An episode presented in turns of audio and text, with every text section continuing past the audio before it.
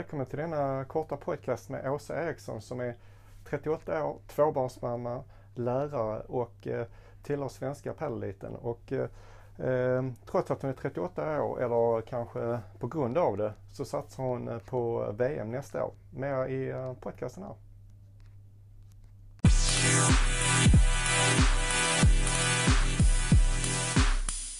Så jag välkommen till eh, Åsa Eriksson till eh, Flowswitch-podcasten. Tack så mycket.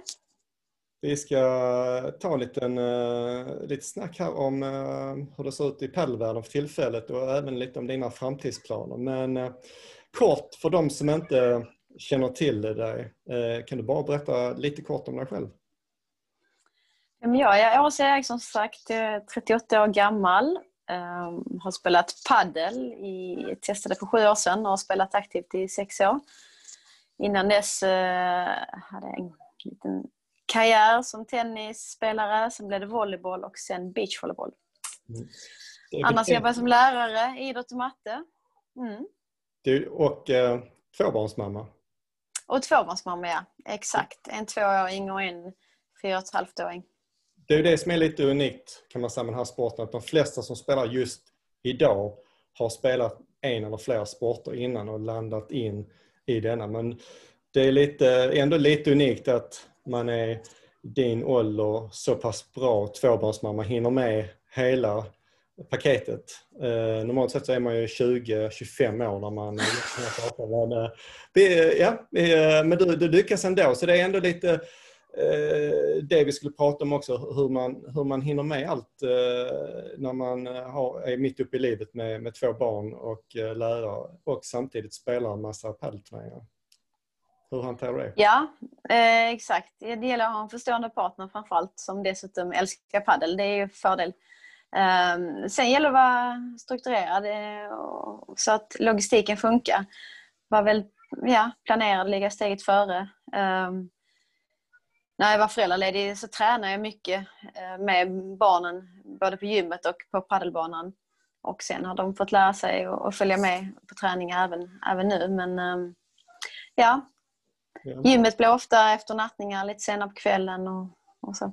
Du har fått ett ofrivilligt break här nu av coronan i, i fem månader och då blir det mer tävlingar nu under kortare tid för man har flyttat en eh, massa tävlingar. Så nu har du spelat ett eh, par tävlingar senast nu i helgen. Och hur gick det där? Ja, det stämmer. Det var Swedish Paddle Tour då eh, i Trelleborg och eh, vi förlorade i semifinal. Så att, eh, vi höll vår ranking men jag är ändå besviken faktiskt. Jag hade velat vinna den tävlingen.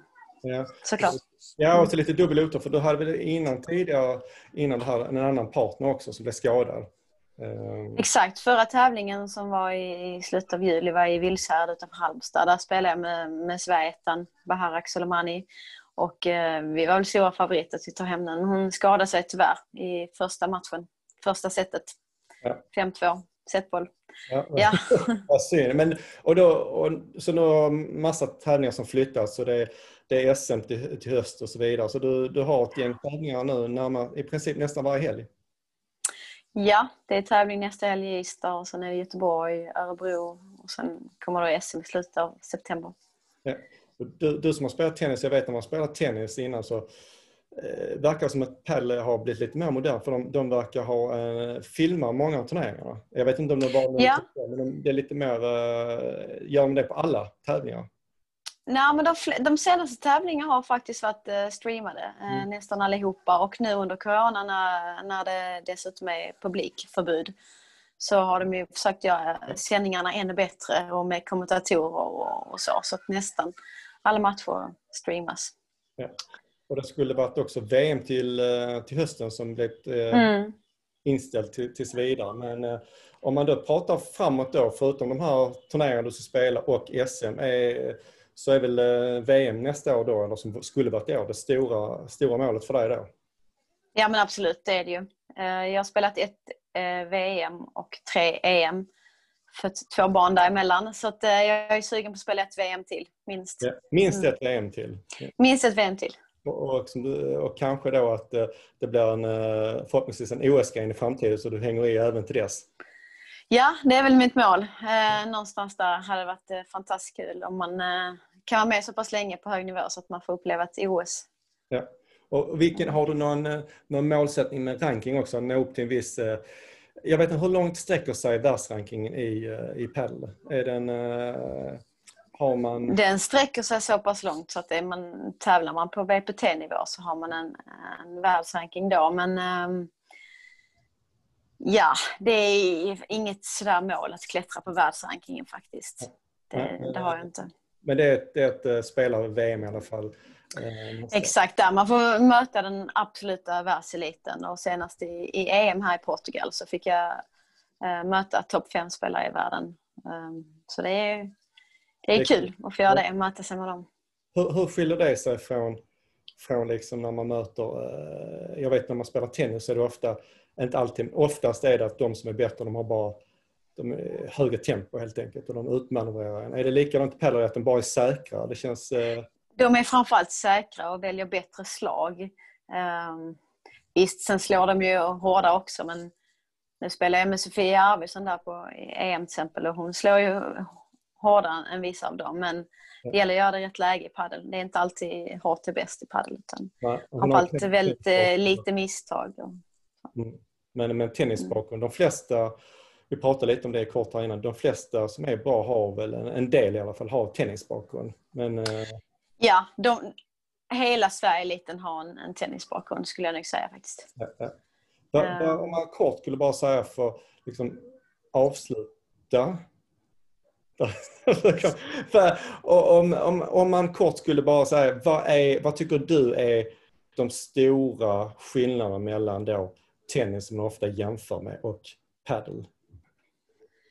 Eh, det är lite mer taktik i paddel. Man spelar alltid två mot två så det är ett samspel där. Och, eh, paddel handlar ju mer om att inte förlora bollen egentligen än att kanske som tennis att man går för att vinna bollen hela tiden. Utan eh, mycket tålmodighet och att inte förivra sig och välja rätt, eh, välja rätt slag i rätt tillfälle. Och det är kanske därför man ehm, även i 38 års ålder håller på hyfsad nivå. Att man är lite mer mogen i sitt tänk jämfört med 18-åringarna som kanske är snabbare och kan slå hårdare men förivrar sig kanske lite tidigt. Ja, jag kan tänka mig.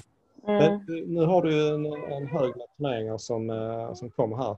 Så vi, uh, vi tänkte vi tog en liten kort intro idag så kan vi följa upp här förhoppningsvis med bra resultat fram till SM och efter SM och se hur det har gått då. Och se om, om målsättningarna har förändrats. Absolut, det hoppas vi. ja, det kan vi.